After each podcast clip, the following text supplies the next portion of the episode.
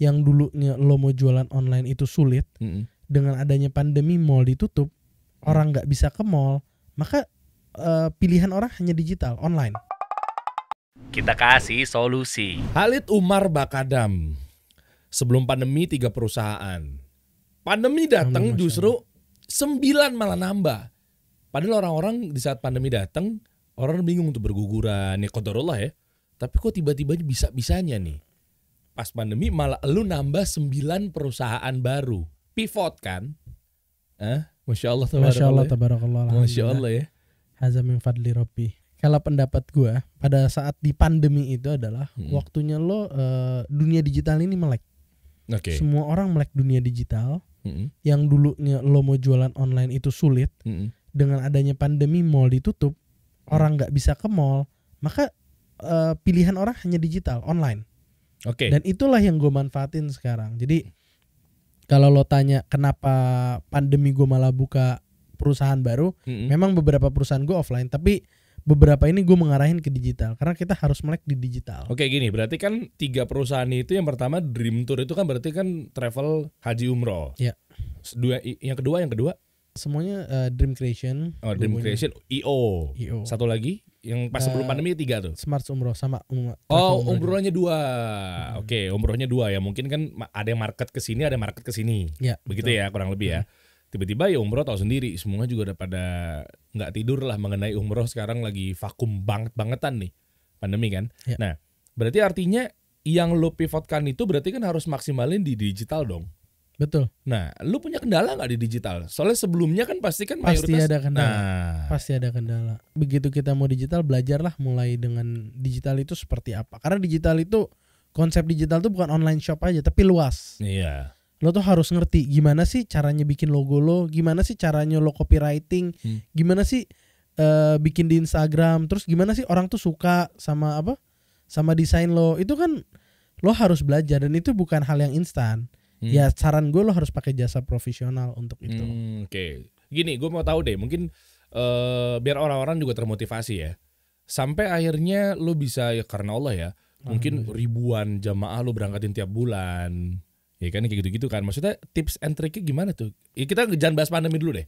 Kita fokus dalam bidang kita dan targetin. Oke. Jadi segala sesuatu itu eh, pertama niatin, Mm-mm. niat lo mau berapa banyak, terus fokus. Kita Awalnya fokus. awalnya berapa? Awalnya lu lu ada lu- begitu lu bangun di beberapa tahun yang lalu gitu ya. Awalnya lu eh, bangun travel umroh jamaah berangkat berapa? ya masih belasan kalau lo tanya pertama kali gue Masih start. belasan. Enggak ini justru nih biar orang-orang termotivasi. Iya. Belasan. belasan. Orang doang nih. Iya. Terus Sebulan ya? Sebulan. Iya belasan. Yang bener Lid. Iya. Serius terus tiba-tiba targetnya tuh Ya karena kita fokusin apa sih berapa orang tembakan kepengen. targetnya langsung dari 11 itu belasan? Kita targetin sepuluh ribu ya. Langsung sepuluh ribu. Iya. Magrum, masa bisa? Nggak sepuluh ribu per tahun. Iya, berarti per per bulannya berarti seribu. Ya per bulannya lebih dari seribu. Cuma gini, Iya seribuan. eh, konsep gue tuh milikinlah im- eh, target lo setinggi tingginya. Mm-mm. Jadi pada saat lo nggak sampai target, sebenarnya tuh lo udah masih sampai target gitu. Gimana gimana gimana Jadi gimana? gini, Hah? target gue adalah sepuluh ribu. Iya. Oke. Pada saat gue hanya sampai 2000 3000 Mm-mm. itu sebenarnya udah target gue. Tapi kita nggak boleh puas di awal. nggak boleh puas karena kalau lo udah puas di 3000 nanti pada saat lo sampai cuma 3000 atau sampai di 2000 atau 1000 aja lo pasti akan udah wah gue udah mendekatin target nih. Tapi sedangkan target lo 10.000 begitu lo sampai baru di 3000 waduh baru 30% dari target nih. Gue masih masih jauh banget. Padahal itu sebenarnya udah udah target yang tinggi gitu. Ajib. Jadi memang gue memfokuskan ke ya kayak kayak waktu lo kecil ditanya mimpi lo jadi apa presiden Oh, Ya iya. nggak? harus mimpi yang tinggi kan Heeh. jadi dari kecil kita harus dibuat bahwa mimpi itu harus tinggi tinggi mungkin jangan limitin mimpi makanya kenapa gue bikin nama gue dream group karena gue nggak mau ngelimitin mimpi jadi mimpi itu harus lo bangun jadi waktunya lo bangun eh, lo mimpi abis itu lo bangun lo kerjain mimpi lo Oke, menarik. Nice. Tapi gini, ada juga loh orang berpikir bahwa nggak usah tinggi-tinggi, mimpi.